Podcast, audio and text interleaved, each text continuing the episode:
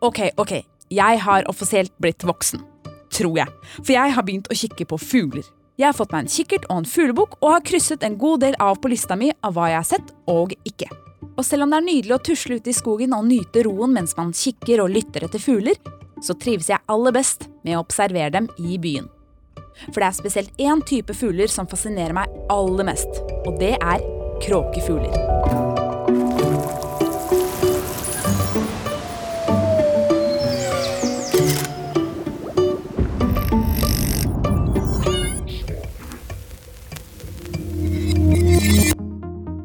Og hjertelig velkommen til en ny episode av Smartere på ti minutter. Der jeg, Selda, forteller deg om vitenskap, fakta, historie og andre morsomme temaer som gjør deg nettopp det litt smartere innen ti minutter.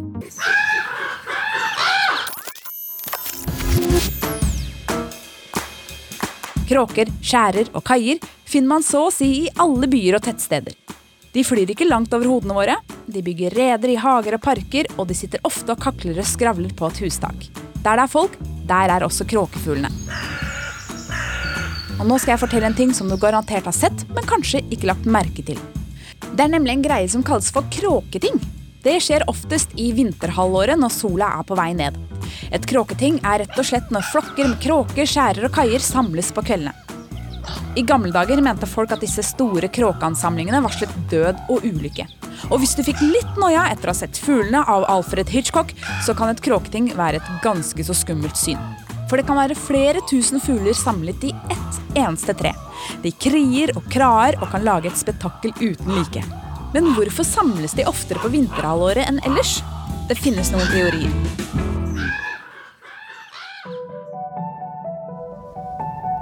Om høsten begynner kråkefugler som er i nordlige deler av Russland, Finland, Norge og Sverige, å trekke nedover mot Sør-Norge. Dette resulterer i at det er tusenvis av flere fugler enn normalt på gitte steder. Kråker er som kjent ganske smarte dyr. Og ved å samles sammen i kråketing på kveldene beskyttes de mot andre fiender, samtidig som det garantert hjelper å holde varmen. Noen forskere mener også at det er her de utveksler info om hvor de har funnet mat, det er her de kanskje finner livspartneren sin, og det er her den indre justisen skjer. Flere har observert at kråker har stått og hakket i hjel en annen kråke under slike ting.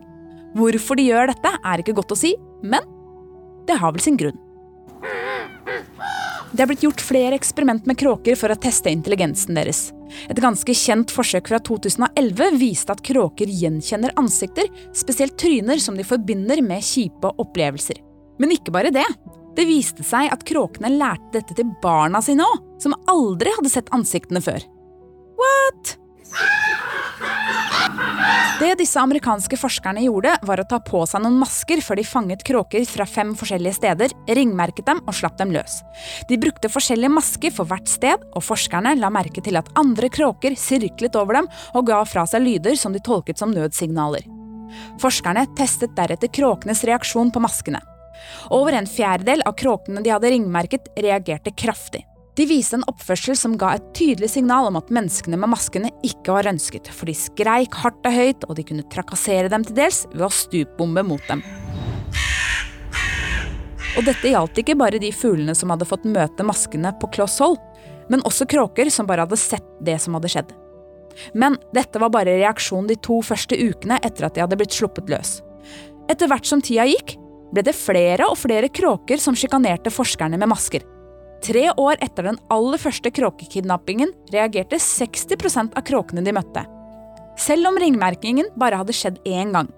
Det viste seg også at kråker som var født etter den første hendelsen, lærte at disse maskene var farlige. For de adopterte oppførselen til foreldra sine. Når forskerne gikk der uten maskene, skjedde det selvfølgelig ingenting. Så hva kan vi lære av dette? To ting. En, det er ikke bare elefanter som husker ekstremt godt. Det vet jeg ikke om de gjør engang, det får bli en annen episode. To, du skal ikke kødde med kråker, for de glemmer aldri trynet ditt. Men kråker er ikke bare utrolig flinke til å huske slemme folk, de er også smarte nok til å løse noen oppgaver fortere enn det små barn klarer. I hvert fall australske barn, siden eksperimentet skjedde der.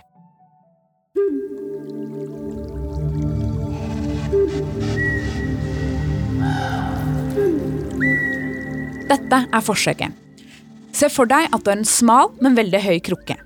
Det er vann i krukken, men vannet er ganske langt nede. Og oppgaven din er å få vannstanden såpass høyt opp at du klarer å drikke av vannet uten å bevege på krukka. Det eneste du har, er en haug med småsteiner tilgjengelig. Skjønte du hva du skulle gjøre? Bra! Du er like smart som en kråke. Om du ikke skjønner hva jeg snakker om, her er svaret. Du fyller krukken med småsteinene, og voilà! Vannstanden øker, kråkene klarer å drikke av vannet. Kråkene skjønte dette relativt fort, fortere enn barn mellom fem og syv år.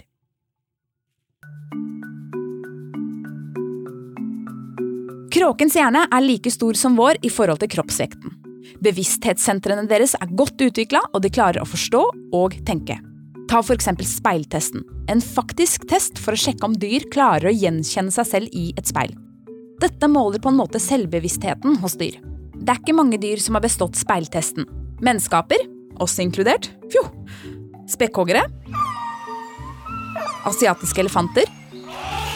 Delfiner. Og den europeiske skjæra. Ja, den du har rett utafor vinduet ditt. Så når du tror den titter inn, så kan det hende at den sjekker svissen sin i gjenskinnet i vinduet. Men hvordan tar man speiltesten på en skjære? Det er jo ikke som om de kan snakke med oss. Vel, Forskerne festa noen små lapper på undersiden av nebbet hos noen skjærer, sånn at de ikke klarte å se dem direkte. Lapper på fjærdrakta er ikke spesielt bra for gamet, så de begynte straks å prøve å fjerne disse med føttene eller ved å skrape undernebbet mot et underlag. Men siden de ikke klarte å se om lappene var borte eller ikke, så gikk skjærene bort til speilet og kikket på seg selv. De løftet nebbet sånn at undersiden av nebbet ble synlig i speilet. Og sånn får du en sekser i speiltesten. Det finnes utallige historier om folk som får et tett og godt forhold til smarte skjærer. Min favoritthistorie skjedde en svensk familie, som jeg leste om i skjæreboka til forsker Magne Husby. En gang da det svenske paret satt hjemme, ringte det på døra men da de lukket opp, var det ingen der. Dette skjedde en gang til, og jeg kan bare forestille meg at de vurderte å ringe den svenske versjonen av Lilly Bendriss. Men det slapp de heldigvis å gjøre. For tredje gangen dette skjedde, oppdaget kona i huset at det satt noen skjærer på hustaket til naboen og tittet på henne. Og det var da ting klikket på plass. Hun kastet matrester i hagen og fulgte med.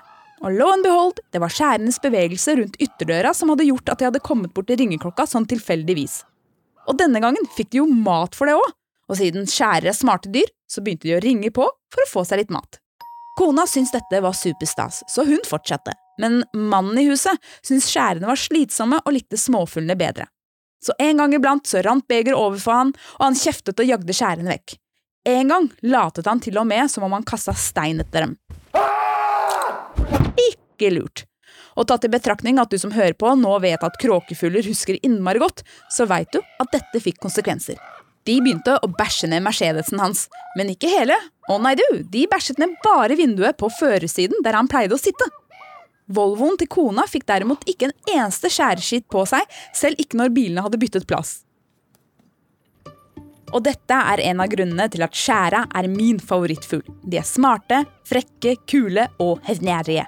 De har personlighet, de snakker med hverandre, og de kan fly. Så min livsoppgave er å bli venn med en skjære. Det eneste jeg må huske, er å være snill mot dem.